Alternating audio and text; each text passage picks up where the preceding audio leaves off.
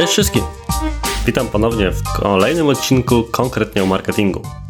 Powiem Ci, że ten odcinek było mi bardzo ciężko, żeby się zebrać, nagrać i bynajmniej nie dlatego, że nie miałem pomysłu czy nie miałem materiałów. Zarówno jednego i drugiego na ten moment przynajmniej mi nie brakuje. Natomiast od dwóch tygodni mam w domu małe dziecko. A miałem wielką ambicję, żeby utrzymać dokładnie tą samą stylistykę i to samo miejsce nagrań, czyli swoje domowe biuro.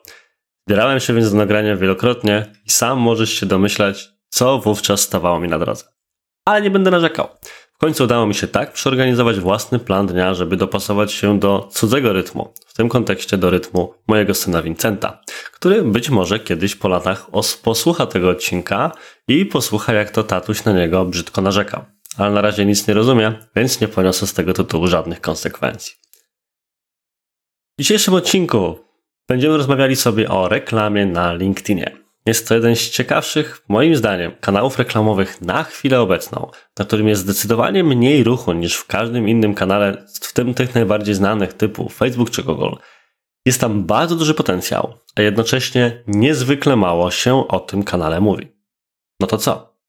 Poznajmy zalety i wady systemu reklamowego LinkedIna. Zaczynajmy.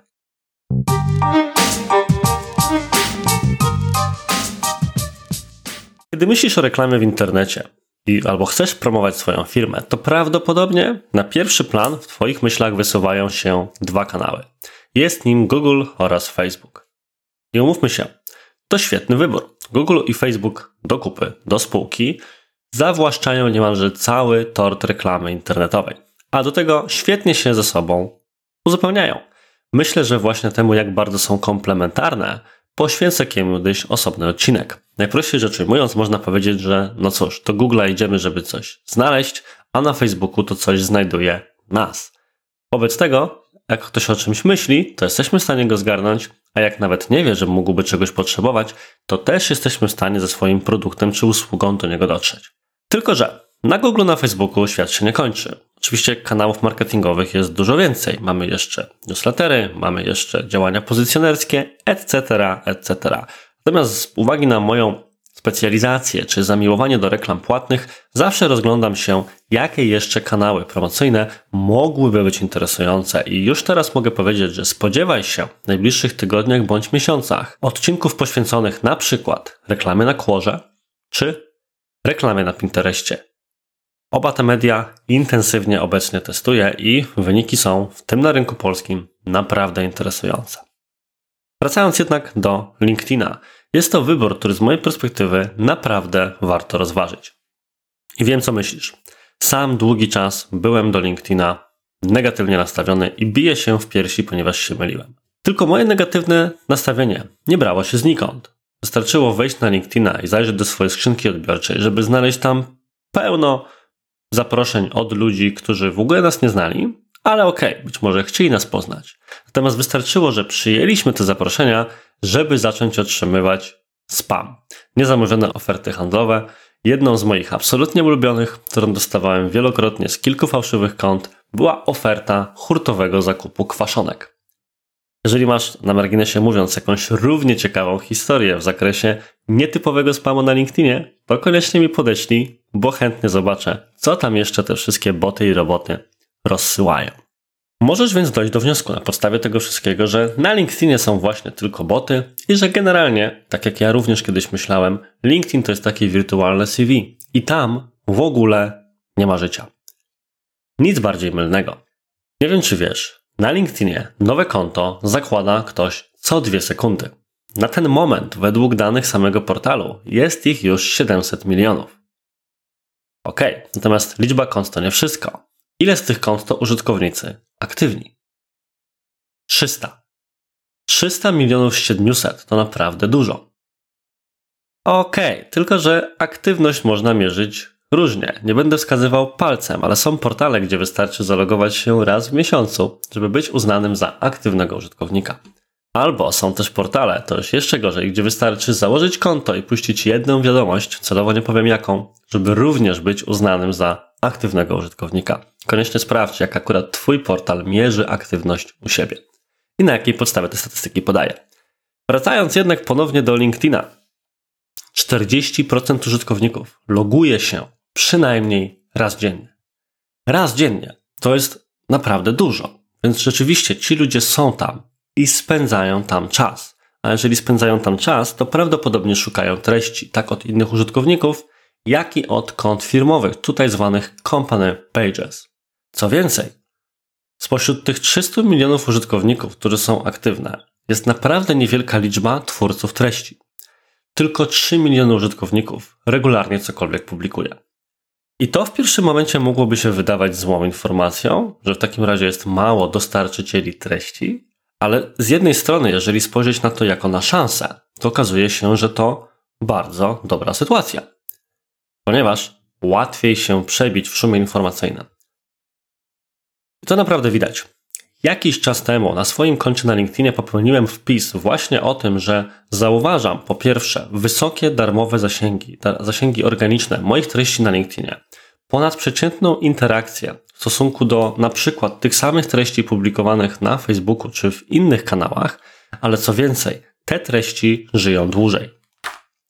Nie wiem, jak to działa z perspektywy algorytmu. Przyznam, że jeszcze tego wątku nie sprawdzałem. Natomiast rzeczywiście jest tak, że o ile przeciętny post na Facebooku tak naprawdę traci zainteresowanie ludzi po jednym, góra dwóch dniach, to cały czas zdarza mi się zalogować na moje konto na LinkedInie i zobaczyć nowe aktywności pod postami sprzed nawet tygodnia i dalej. To tyle ciekawe, że dzięki temu jest większa szansa, że moje treści będą no nie tyle ponadczasowe, to nie jest jeszcze poziom bloga czy kanału na YouTubie, ale na pewno są w stanie utrzymać zainteresowanie czy docierać do nowych odbiorców dłużej niż tylko na przykład na pomocy, za pomocą Facebooka. Ok, ale to z perspektywy aktywnego użytkownika. Co z pozostałymi?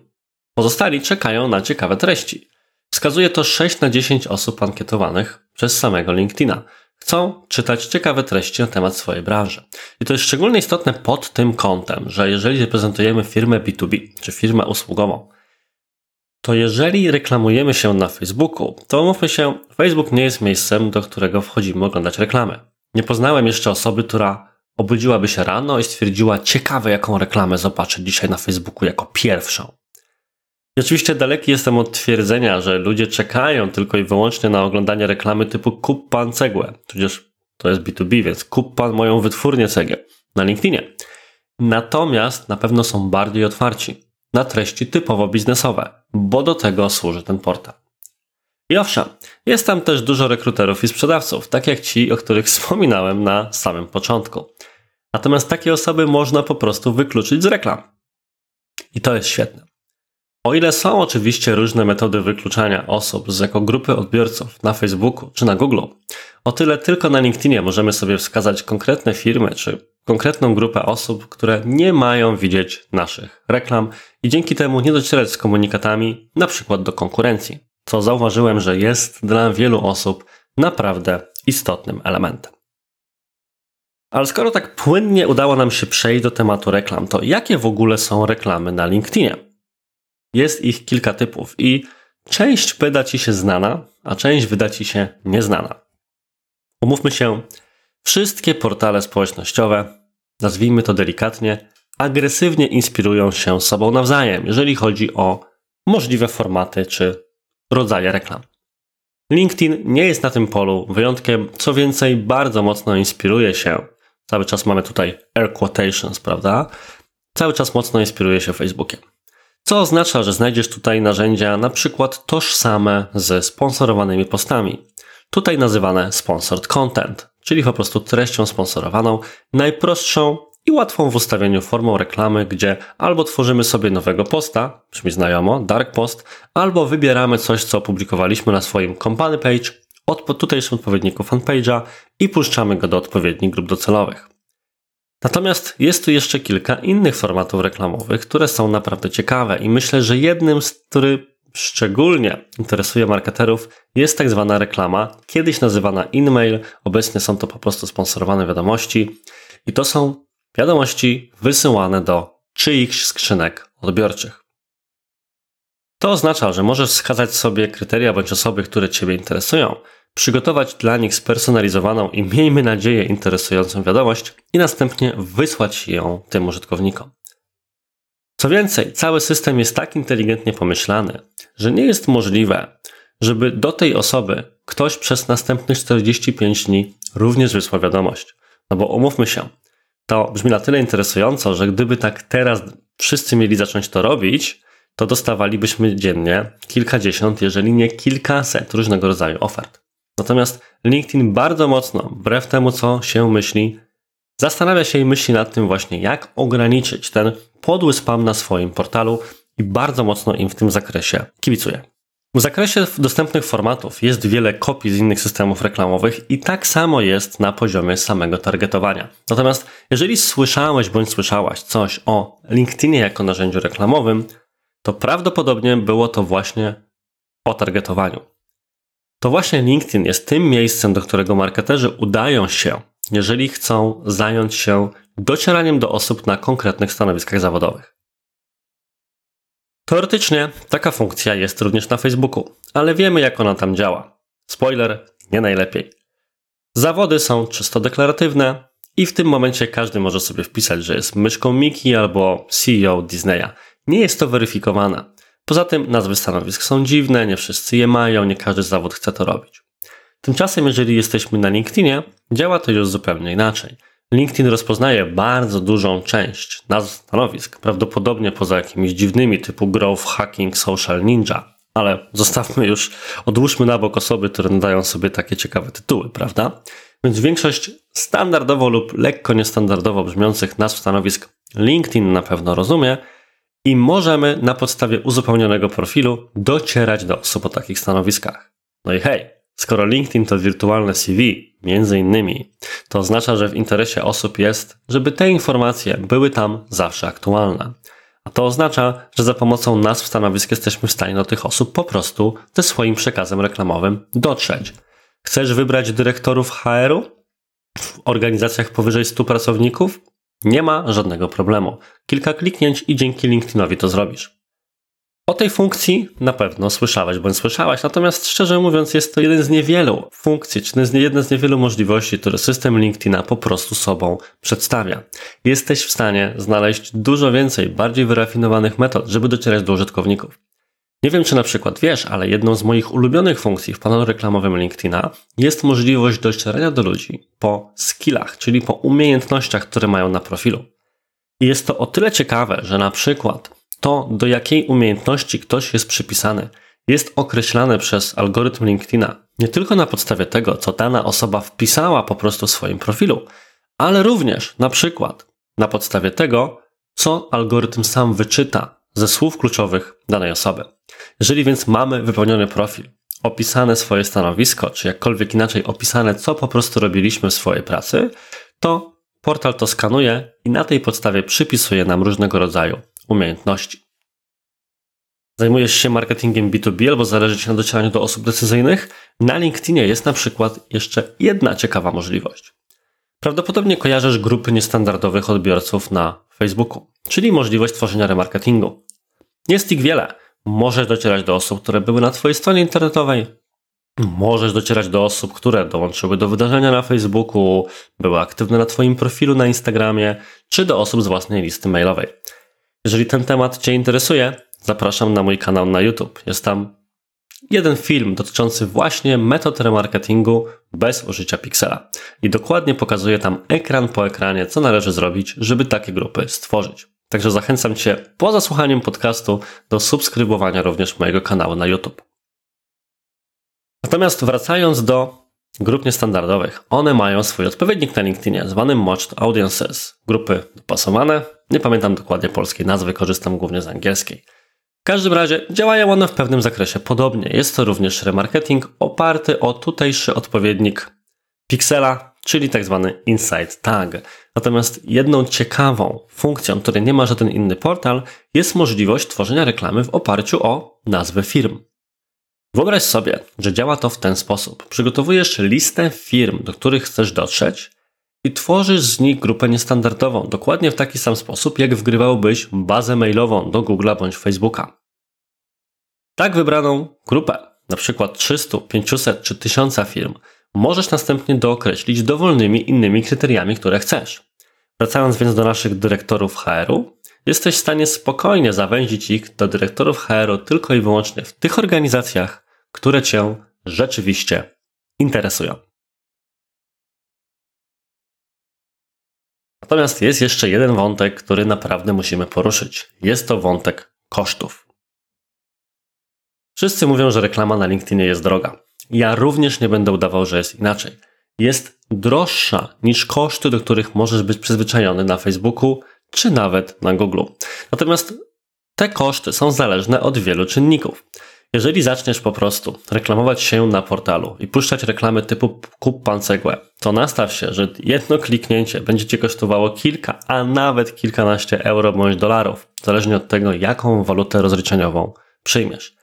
Natomiast jeżeli podejdziesz do całości dobrze pod kątem lejka sprzedażowego, sekwencjonowania komunikatów, ścieżki, którą klient musi przebyć, przygotujesz całą dobrą kampanię, to spokojnie możesz nastawić się na koszty nawet porównywalne z Facebookiem. I mówimy tu o formatach typu sponsored content.